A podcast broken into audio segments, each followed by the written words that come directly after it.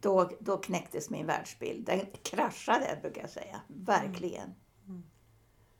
Och jag minns, jag menar, om, om, om det han berättade parapsykologiska fenomen och eh, medvetandeförändring och så här. Om det stämde, då, då, då kanske det också var så här att det fanns någonting som hette himlen och Gud och, och, och, och så vidare. Och det var ingenting som du hade tänkt? Nej, nej, nej. Jag brukar ju håna de som trodde på Gud. Typ flum, eller vadå? Ja, superflum. Och bön, gud så löjligt. Ja. Oj, oj, oj. Välkommen till Inspotekspodden och serien Old School där En 40-åring pratar med en 80-åring. om livet. Nu ska du få träffa Pia Hellertz. Hon är filosofie doktor i social och beteendevetenskap. Hon är pensionerad universitetslektor, socionom, psykoterapeut, lärare, mental tränare och författare. Ja du, det här det är en kvinna med många strängar på sin lyra. Hennes livsmotto är Jag vill inte tro, jag vill veta.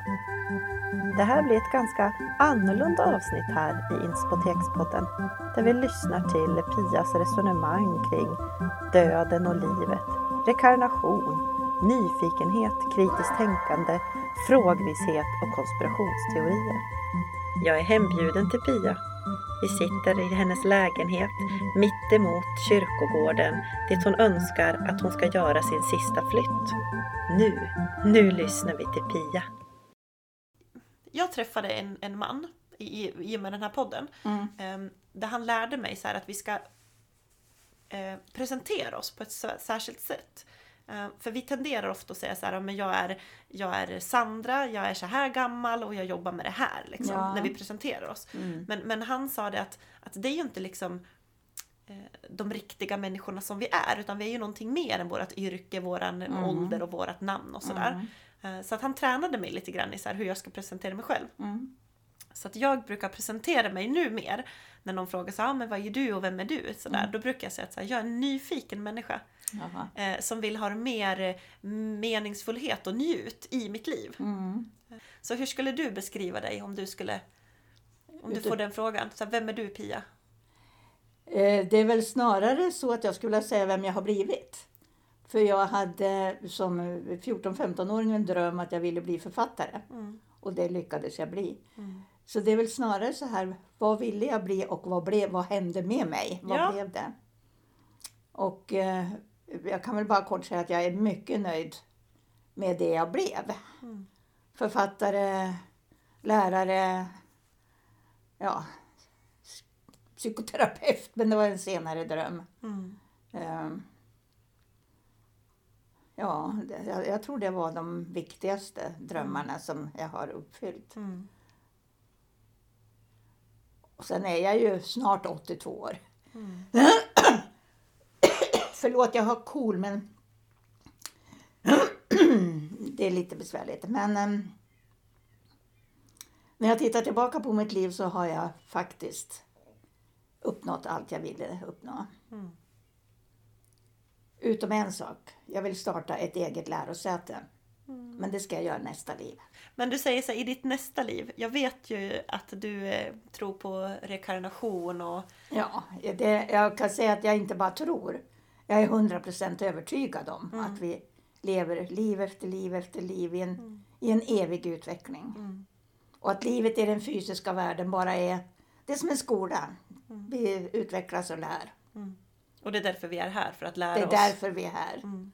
Vår, vår huvudsakliga, vårt huvudsakliga liv är ju i den psykiska världen, i den andliga världen.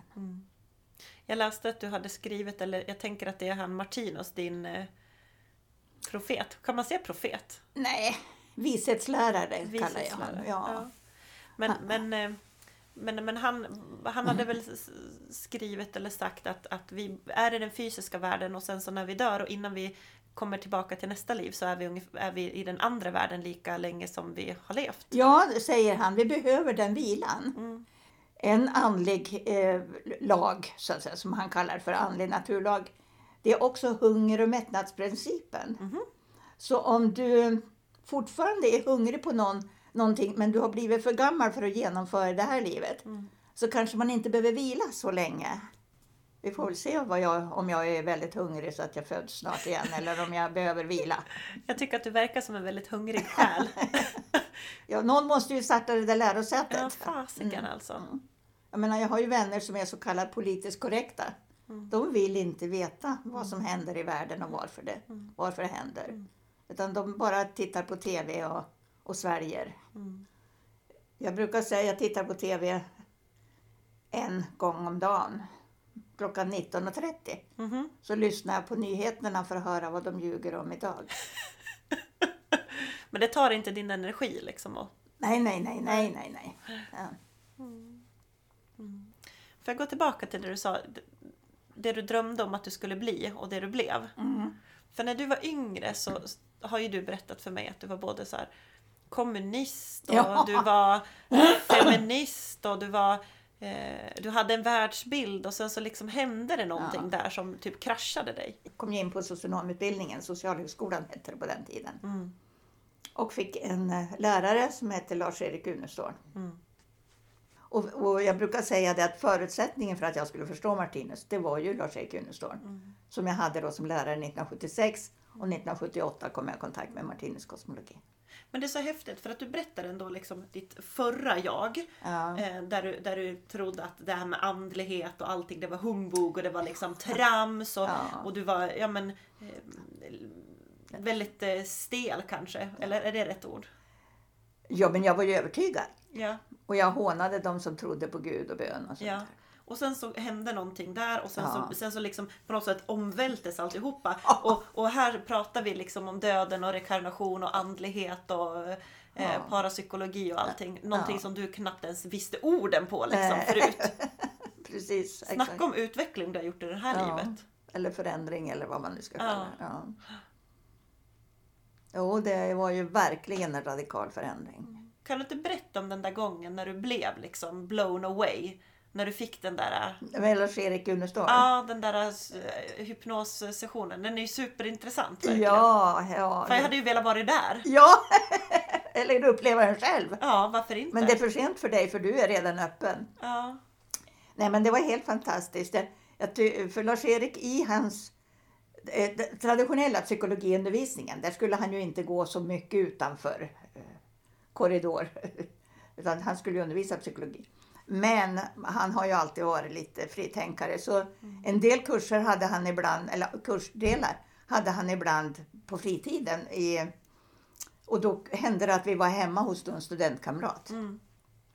Och den här kvällen så det, och det var inte hela klassen, utan det var delar av klassen.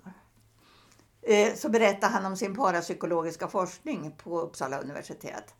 Han var ju en av de första som forskade om hypnos. Och, i hela Sverige. eh, då berättar eh, Lars-Erik där bland, bland annat att de försatte en av grabbarna, det var ett studentgäng då, i hypnos. Och han, han satt i stolen då och, och så säger Lars-Erik i sina instruktioner och suggestioner. Nu får du gå ut genom den där dörren. Du går ner genom den där trappen, eh, utför trappen. Du går över gatan. Du går eh, in i huset mitt emot. Där går du upp för trappen och sen går du till, in, in i första lägenheten till vänster och så talar du om vad de gör där. Grejen var att killen sitter kvar i stolen. Men han säger, nu går jag ut genom eh, dörren där, jag går ner för trappen, jag går över gatan och så vidare. Och nu går jag in i första lägenheten till vänster och där sitter det åtta personer runt ett runt bord och spelar kort. Mm. Och sen eh, berättar Lars-Erik då, då vä- väcktes grabben upp och hela det här grabbgänget springer den här vägen och in i den där lägenheten till vänster. Och så berättar han att där sitter, eh, eller såg de, där sitter det åtta personer runt ett runt bord och spelar kort. Och jag kan fortfarande känna chocken eller ja, vad man nu ska kalla det för. Det kan inte stämma. Det, det här, det, det kan, så kan det inte vara. Men Lars-Erik kan ju inte sitta och ljuga. Han var ju min lärare. Det här gjorde ändå att jag började bli nyfiken på... Ja, Vad är det för någonting? ja precis. Det, Och det är klart, jag hade ju tillgång till Lars-Erik då. Jag, fick, jag passade ju på då att gå på alla kurser han hade och där han berättade. Eh, jag vet till exempel, jag har ju precis köpt en bok om remote viewing, fjärrskådning. Och det, vi kan nästan säga att det, det här var, Var det? Ja. fjärrskådning. Jag är ju mycket på Facebook. Och jag drabbas då och då av så kallade nättroll. Och jag förstår dem. Därför att jag var likadan egentligen, även om jag inte hade tillgång till Facebook på den tiden. Jag har också hånat och förlöjligat människor. Så jag är tacksam för den erfarenheten. En insikt verkligen. Ja, det är verkligen. Så jag lär mig så länge jag lever. Vad skriv? Alltså varför, varför trollar de dig? Jag fattar inte. Ja, det kan... Jag kan ta bara ett exempel där jag egentligen tror jag var när jag upplevde det första gången. Ja. Det var när jag påstod att, eh, att Elvis lever. Du vet, jag har ju älskat Elvis sedan jag var 15-16 år. Och hans musik, eller sånger eller vad man ska säga, hans framträdanden. ja. Och vi var ju alla övertygade om att han ja, dog då av droger och med mera för länge, länge sedan. Mm. Och sen eh, började det komma rykten på Facebook, att, eller på nätet, Ja. att han faktiskt lever. Och jag började studera det där. Och det började bli mer och mer sannolikt. Så då la jag ut en blänkare på Facebook. Att, att Elvis lever. Och då blev det fullt med hån och förlöjliganden. Och, Jag kan tänka mig det. ja. Och då följde... Jag menar, det är svårt att argumentera för en sån sak. Det var ju ingenting jag visste. Det var Nej. bara... Men du är ju en ganska nyfiken människa. Ja, det är väl nästan det jag Det är en underdrift va? Så fort jag överhuvudtaget kommer i kontakt med någonting som det här har jag inte hört talas då måste jag undersöka. Var kommer det ifrån? Ja, jag vet inte. Det är lite som din hjärna så här poppa upp som ett popcorn liksom. Den nappar på någonting som bara ja, det där! Ja, Och det där! och jag tycker om att, när det händer. Det, det gör jag faktiskt. Nej, men jag har nog... Och jag är periodare. Så det märks nog på min... Jag har ju skrivit över 300 artiklar som jag publicerar på min boksida. Och, och det är allt från månlandningen till 9-11 till konspirationsteorier till ja, det, rubbet. Så du tycker... Pedagogik. Ja. Men du tycker och tänker väldigt mycket.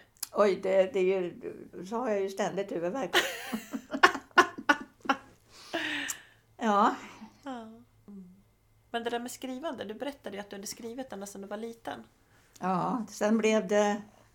Det har ju blivit sju böcker plus doktorsavhandling plus filosofie magister eh, avhandling. Jag har ytterligare en bok på gång. Eh, Får jag men- fråga vad den handlar om? Konspirationsteorier. Mhm. Och titeln är Tänk om det är sant. En Okej. granskning av konspirationsteorier. Tänk om det är sant. Mm. Är du bra på att ställa frågor? Ja, det tycker jag att jag är. Mm. Jag kanske kunde ha blivit intervjuare, men det har inte. Jag vill skriva, jag vill inte prata. Mm. Jag är ingen pratande människa. Alltså det, ja, det Du kanske är ju verkar- pratig. ja, När jag får en sån här chans och någon lyssnar. ja. Men eh, nej, jag är ingen lyssnande människa. Är du inte? Nej. Jag, eh, om jag vill veta någonting så lyssnar jag inte på Youtube eller TV eller någonting, utan då vill jag läsa. Ja. Och det vet jag ju från min tid när jag forskade om, omkring lärandestrategier. Mm. Att det, har ju bedrivits forskning om det. Att vissa människor är antingen lyssnande, ja. alltså öronen, Ja. eller, eller också seende, visuella. ja. Och, eller också görande, taktila, kinestetiska. Ja. Och jag är en helt klart visuell person. Mm. Jag orkar inte lyssna, även om det är kloka saker. Det, då är det något väldigt, väldigt speciellt om jag ska orka sitta och lyssna på en Youtube. Mm. Ja, föreläsning eller någonting. Mm. Och görande är jag inte heller egentligen. Men jag tänker skrivande är ju som ett görande Ja, egentligen. men det har du ju rätt i. Det är ju ett hantverk. Eller? Ja. Så Ja. ser jag det i alla fall. Ja, För det är ju ett skapande. Ja. Alltså, det är ju bokstäver som blir ord, som blir meningar, som blir en struktur, som blir en röd tråd. Alltså, det är ju verkligen ett hantverk att skriva. Det om någonting, tänker jag, är en kreativ, ett kreativt görande. ja. ja det är intressant, det har jag inte tänkt på. Men, men å andra sidan, när du pratar om, om appar och så här, Ja. det är jag totalt ointresserad av. Mm.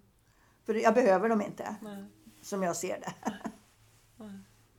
Men du använder ändå liksom, du nämner Youtube. Alltså det finns ju också Ja, på, på, på, Youtube. på datorn. Youtube och... Ja. Facebook och det är ju en app liksom. Ja, det har du rätt i. Mm. Ja. Mm.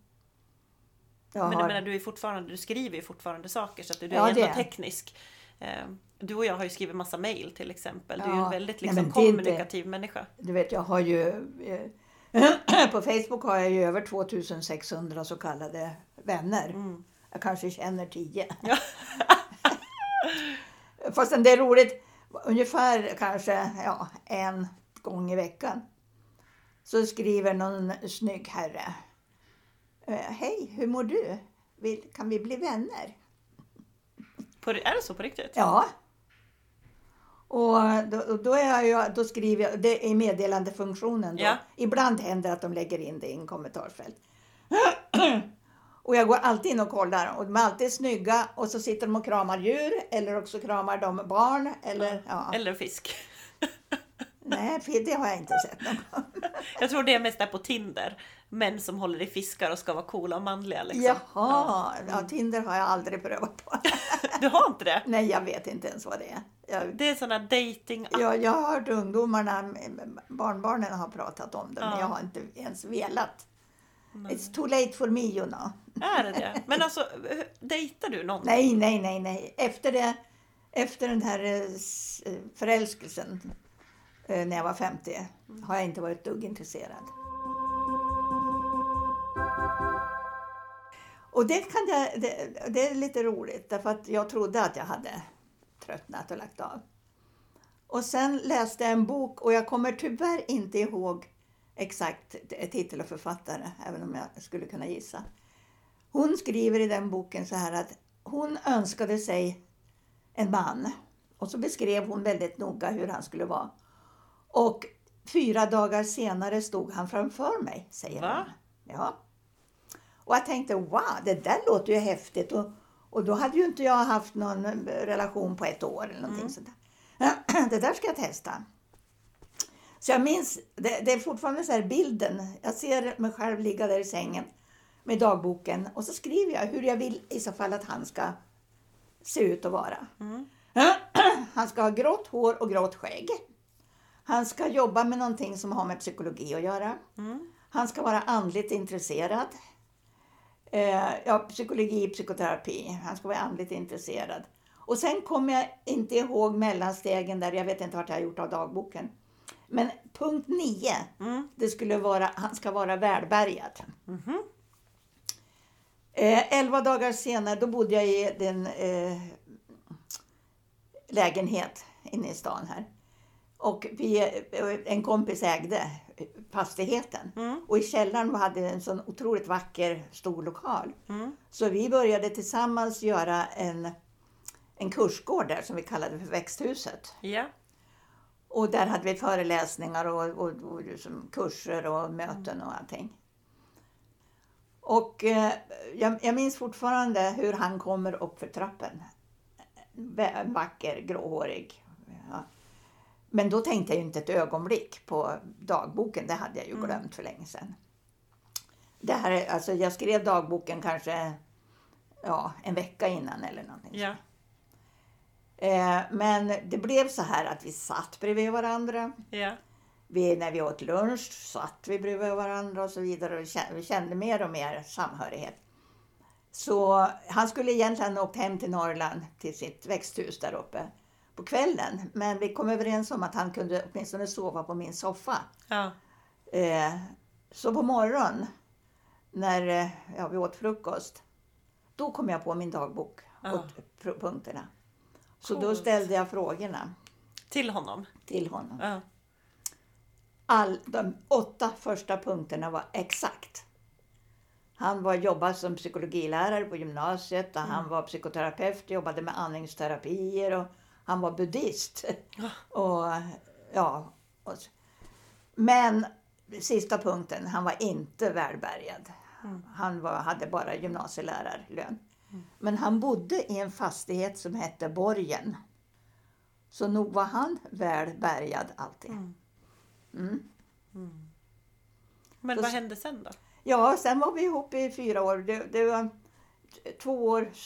Och så sen åkte han till, till Indien till någon sån där eh, andlig guru. Och sen kom han tillbaka ett år senare och så var vi ihop två år till. Ja, men efter det så.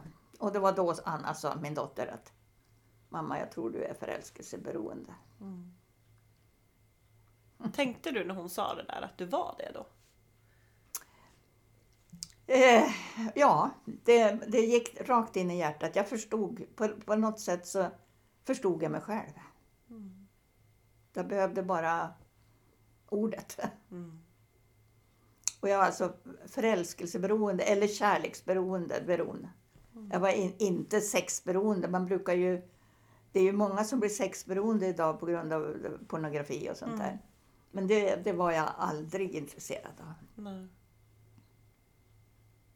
Men du härstammade ändå liksom ditt beroende från eh, din barndom? Ja, det gjorde jag ju. Pappa blev ju inte riktigt snäll mot mamma under den här tiden. Så mamma, som var oerhört känslig, blev ju enligt andra psykiskt sjuk. och klarade inte av, vi fick ingen mat och sådär, hon orkade inte med det. Så vi åkte ju till barnhem. Så vi, vi var på två olika barnhem. Och sen blev det så för mig att jag mm, var på fem olika fosterhem. Men du är uppvuxen i en massa, i en massa olika miljöer. Ja, det kan man säga. Ja. Verkligen olika. Och du berättade för mig att du hade flyttat väldigt många gånger i ditt liv. Ja, 48 gånger. 49 gången blir till kyrkogården som är rakt utanför fönstret här. Och du har haft samma resväska med dig. Ja, ja just det. Det, det tycker jag är fantastiskt. Mina bröder var inte rädda om sina resväskor, men jag har min kvar. Och den vill jag ju ha med mig när jag dör. Jag vill resa med den. Min eh, dotter brukar skoja ibland. Första gången vi pratade om min död så såg jag att det kom tårar i ögonen på henne. Numera skojar vi om min död. Och när, när hon, när, vid något tillfälle när, när jag sa att jag ville ha resväskan. Ja, men, ja, men hur, hur ska jag se till att du kommer ner i den? Ska jag be någon skära, skära dig i bitar, säger hon. Och skojar! ja. Ja, men nu har jag bestämt mig för att eh, askan får vara i den. Ja. Plus att jag har i, i mitt vita arkiv så har jag skrivit mycket detaljerat om hur jag vill ha begravning och vad jag vill ska stå på graven eller på eh, kistan. Och, Och det där är så viktigt. Jag tänker för, för oss eller för de som blir efterlevande eh, är det där viktigt att få den där hjälpen. Jag har ju själv varit i den situationen där jag inte fick någon hjälp när Nej. min pappa dog. Eh, Och, och att, att famla i det där, hur det ska vara och vad ville han och vad blir bäst och det är massa moraliska Ja. frågor och känsliga saker. Fy fasiken vad skönt att du Ja. har skrivit. Bra, det ska flera göra tycker jag. ja, ja, verkligen. Min dotter får väldigt gärna läsa upp delar utav det vita arkivet så att folk får skratta lite grann medan de dricker öl och vad de Och festar. Ja, och festar. Ja. Ja. Ja. det ska vara fest. Och så vill jag ju ha efteråt då när allt är avklarat. Då ska jag ha ett house emptying party. Alltså jag älskar det ordet! Jag ska skriva in det i mitt egna vita arkiv. Berätta. Hustömmarparty. Då ska de få gå upp hit i lägenheten och, och då antar jag att mina två barn och mina fyra barnbarn har tagit vad de eventuellt kan tänkas vilja ha. Och sen får alla som kommer på besök, de får ta precis vad de vill. Ah, ja, böcker eller prylar. Eller... Men jag kan berätta om den där dockan där borta. Mhm, så står det i... eh, På, på pedestalen där. ja. Den har jag fått av Lars-Erik Unestål när jag fyllde 80. Aha. Men han köpte den här för väldigt länge sedan. Och hans plan var att han ville ha den till, vid sin begravning. Aha. Så vi har gjort en överenskommelse. Att om jag dör före honom, Ja, då ska de se till att ge tillbaka den till honom. smart. Ja, Men, men döden känns rätt avdramatiserad för dig när vi pratar om den så här. Ja, döden. Död. Ja. Jag har ju skrivit en bok som heter Döden är livets största överraskning. Det, eh, det, ja, det är faktiskt så att jag är inte en sekund deprimerad. Jag har, är inte trött på lite, jag är lite trött på det som händer i, i världen idag. Men jag älskar tanken på att få dö och få komma över till eh, ja, den andliga psykiska världen. Och det känns ibland som om mina drömmar senaste halvåret börjar förbereda mig. Är det Faktiskt. så?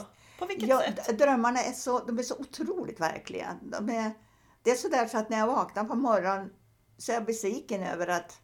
Att du vaknar? Ja, faktiskt. Jaha. Nej, därför att det, det händer så mycket spännande. Jag är med om så otroligt mycket intressanta saker i drömmarna. Ja. Och, eh, och det säger ju Martinus också att när man, när man dör då väljer man egentligen den kropp som man har, har mått bäst av, sådär 30-40 års åldern. Är det så? Ja, och, I typ där jag är nu liksom? ja exakt. Och, och i- jag är ju aldrig gammal i, i drömmarna. Intressant. Nej. Jag är cyklare och jag är aktiv. Och, ja. Ja. Så han menar att när vi dör så hamnar vi i samma psykiska värld som vi är i när vi drömmer på natten. Och där är vi och vilar upp oss till nästa rekarnation. Ja, precis. Tills vi blir mätt på att födas igen. Och då, han säger då att eh, när vi så att säga dör ifrån den andliga världen så är det lite samma sorgehögtid lite grann som när vi, Dör i den fysiska ja, världen. ja, Jaha. vi blir saknade. Och, ja. Men vi vet ju inte om han har rätt. Men, men Nej. Men det känns ju skönt och tryggt att, och, och tänka det. ja, verkligen. Jag brukar säga att jag har två fasor i livet. Det ena är att min do- dotter som jag älskar överallt på jorden, att det ska hända henne någonting. Det andra är att Martinus världsbild inte, inte stämmer. Nej. Nej, för du grundar ju typ hela ditt leverne på Martinus. Ja, det gör jag. Det gör jag. Verkligen. Ja, leverne, ja, tänkande. Ja. Ja. Mm.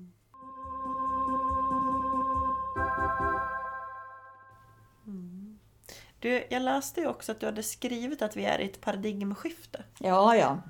Kan du Jag har berätta? skrivit en bok om det. Ja, jag vet. Berätta, vad, vad, vart är vi nu?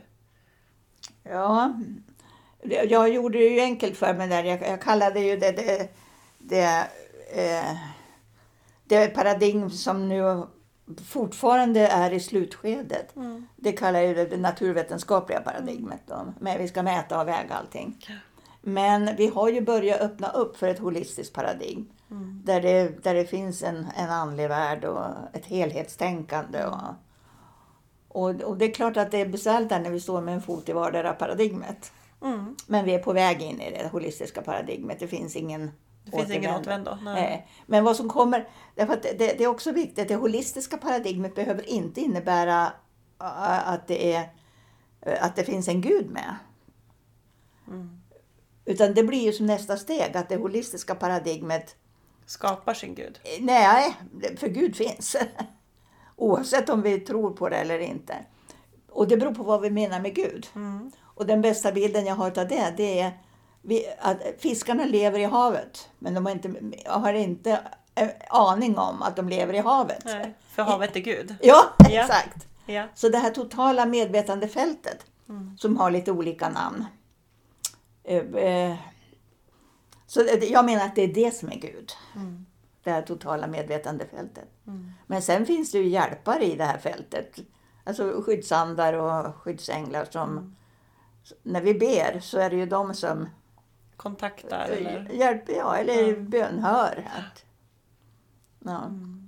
Så tror jag på det. Det låter som mest logiskt. Mm. Sen vart gränsen på, på Gud, det kan ju finnas flera dimensioner. Martinus pratar om elva dimensioner. Men eh, jag menar, här, precis här och nu så pågår det ju andra dimensioner. Mm. Och vissa människor har ju förmåga att, att se emellan dem. De kallade ju mamma för schizofren. Mm. Därför att hon såg och hörde sånt vi andra inte såg och hörde. På den tiden för hade man kanske inte annan förklaring Nej, för det. Och det har man fortfarande inte i i många fall inom psykiatrin. Men det som gjorde att jag började förstå att hon kanske inte var psykiskt sjuk. Eh, det var när hon berättade en gång att du förstår, jag, var nere i affären och, och där var det en soldat från andra världskriget som inte visste att han var död. Så det talade jag om för honom, sa mamma. Och då fattade jag på något vis att det här var mer konkret än, än vad jag hade fattat tidigare. Nej, vi lever i en oerhört fascinerande värld. Oerhört fascinerande. Jo, jag, jag älskar att skapa nyfikenhet. Du älskar också att sticka ut hakan tänker jag. Ja, eh, jag är inte rädd för att göra det. Nej. Jag tycker om eh, modiga, modiga människor som vågar. Skulle du kunna säga att du är en stor kritiker eller en stor granskare?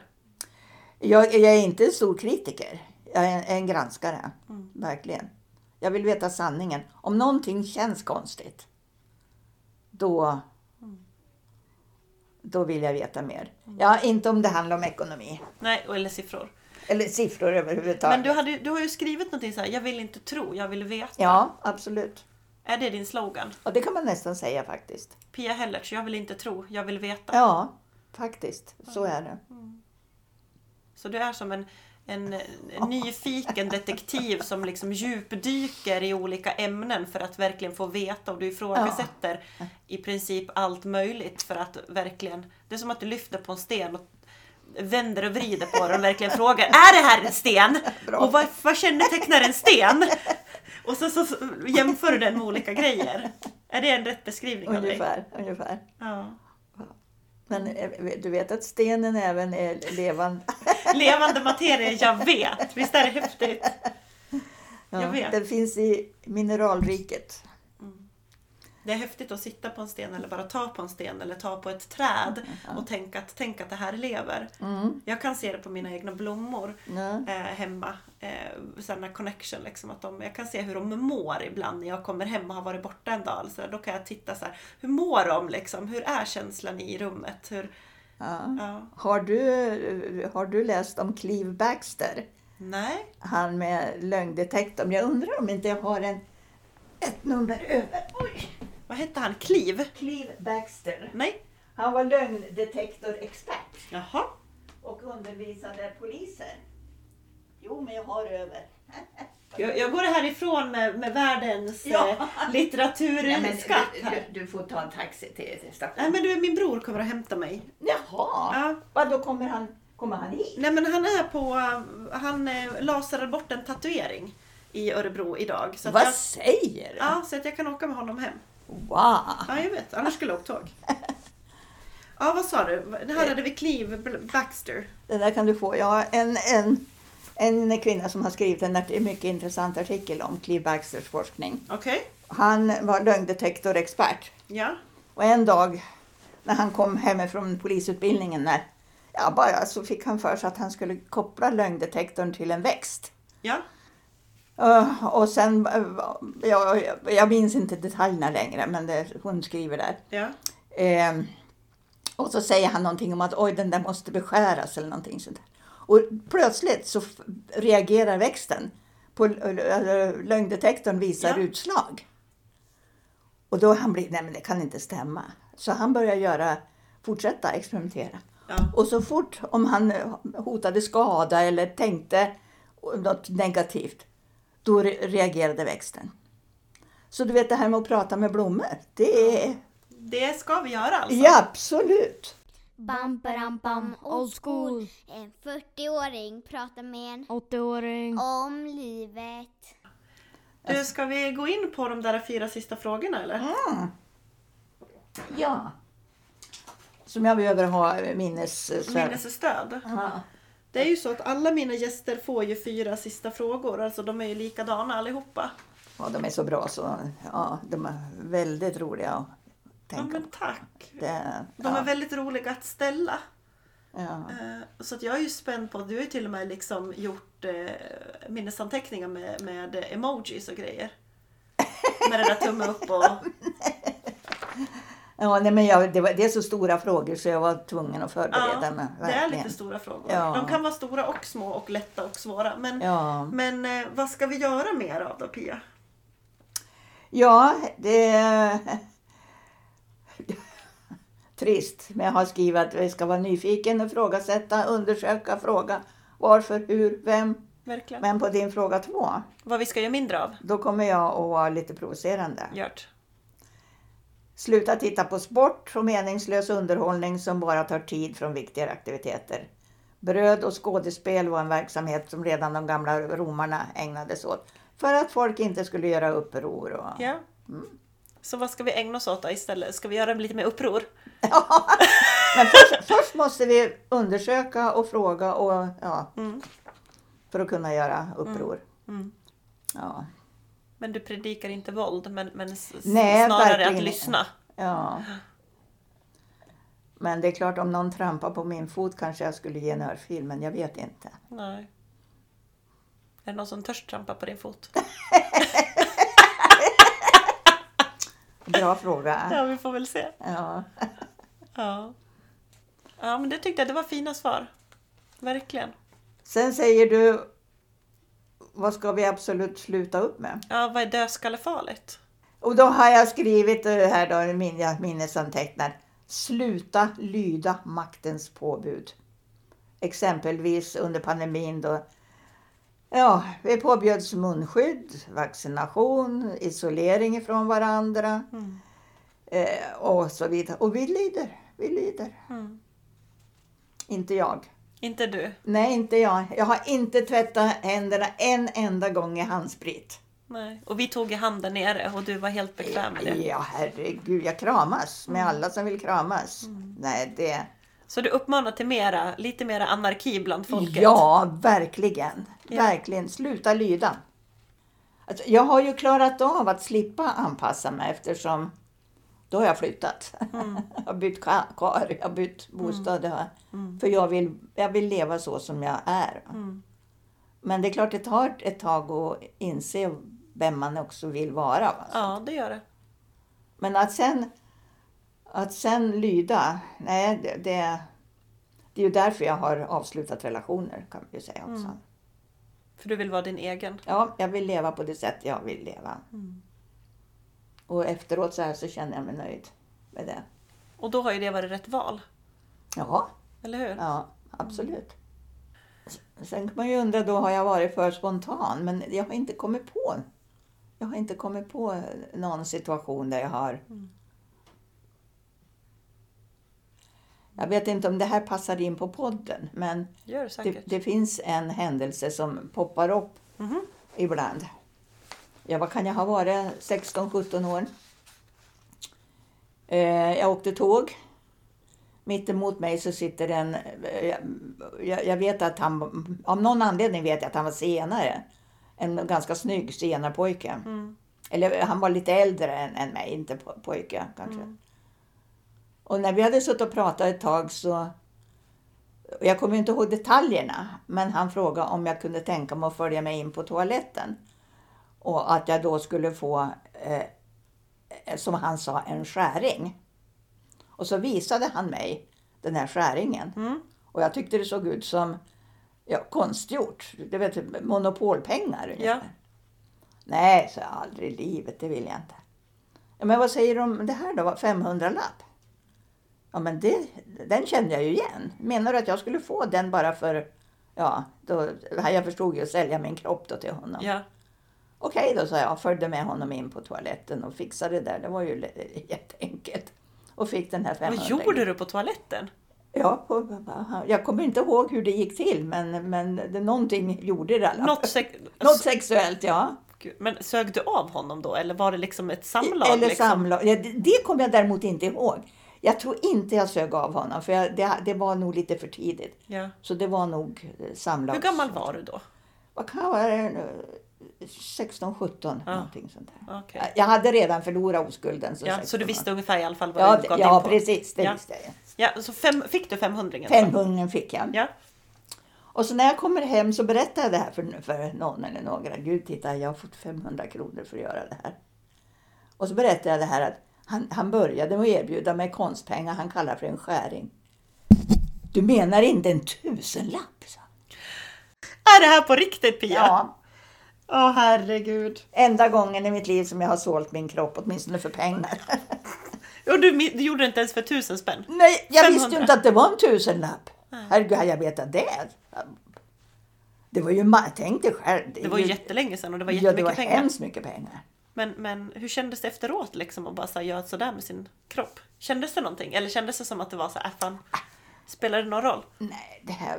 fast Alltså, eh, för mig är det inte kroppen som har varit viktig. Det, är- det är ju som har varit hjärtat. Mm. Så jag kan ju känna ibland mina förälskelser. det är klart jag var ju tvungen att sälja kroppen för att få Kärlek? kärleken. Ja. Även om jag inte fick något betalt. Men det går ju också att vända på det där. Tänker så här, kärlek, Mm. när vi ingår liksom ett, ett partnerskap så istället för att känna så här, jag säljer min kropp för att få kärlek så kan man ju också så här bjuda sin, inte vet jag, dela med sig av, av jag vet inte hur jag ska förklara men, men, men det låter så, det låter egentligen fult att säga att så här, jag bjud, jag säljer min kropp för att få kärlek. Eller är det det? Det låter så skamfullt. Ja, i och med att... I och med att men man kan ju säga det egentligen. För jag, jag antyder ju lite grann om det där i, i artikeln. Mm. Det, det, det är ju vad jag gjorde. Du, För jag var ju aldrig intresserad av sex. Jag, något enstaka. Utan egentligen bekräftelse och kärlek. Ja, liksom. bara... bara ja. Bli hållen. Mm. Ja, ja, ja, Ja, det var länge sedan. det var länge Det är sedan. preskriberat, eller Ja, vad det kan är man det. säga? Det är det. Jaha, vad var vi inne på? Dödskallefarligt. Sälj inte din kropp på Ja. tåg för, för 500 spänn. Nej, acceptera tusenlappen. Ja, då är det okej. Ja. Sen har du skrivit vad blir det livsnödvändigt att göra och tänka. Ja, vad, vad är absolut livsnödvändigt för oss för att vi ska kunna överleva? Ja, jag, jag är ju tjatig som tusan. Att verkligen lyssna på sin egen inre röst och lita på den. Alla får ju också ge mig en livsläxa, Pia. Ja, jag såg det. En läxa att utföra. Har du något att skicka med mig som jag ska Ja. göra? Lev det liv du själv vill leva. Men utan att trampa på andras vilja att leva på det sätt som de vill leva. Var sann mot dig själv, men tillåt andra att vara sanna mot sig själva. Och så har jag skrivit då i mina minnesanteckningar, det gäller att träna upp förmågan att vara tolerant med andra. Mm. Eh, Men att samtidigt sätta gränser. Jag har en övertygelse här, men, men det är okej att du inte delar den. Mm. Eh, Men vi kan prata om det och vi Ja. kan ändå resonera. Vi behöver inte vara Och jag älskar, älskar att samtala med människor som tänker och tycker annorlunda Mm. än jag. Men jag vill att det ska vara sakligt. Mm. Jag vill gärna ha... Argument Ja, kanske. v- precis. Det här var typ det längsta samtalet jag någonsin har haft i den här podden. Gode gud, stackars dig som måste redigera nu då. Nej då, absolut inte. Pia Hellertz kommer för mig alltid att vara the lady in red. Varför det? Jo, gå in på min Instagram på Inspotekspodden eller på Facebook på Inspoteket så får du se hur det såg ut när jag träffade henne och varför jag kallar henne så. Nästa vecka är vi på återhörande.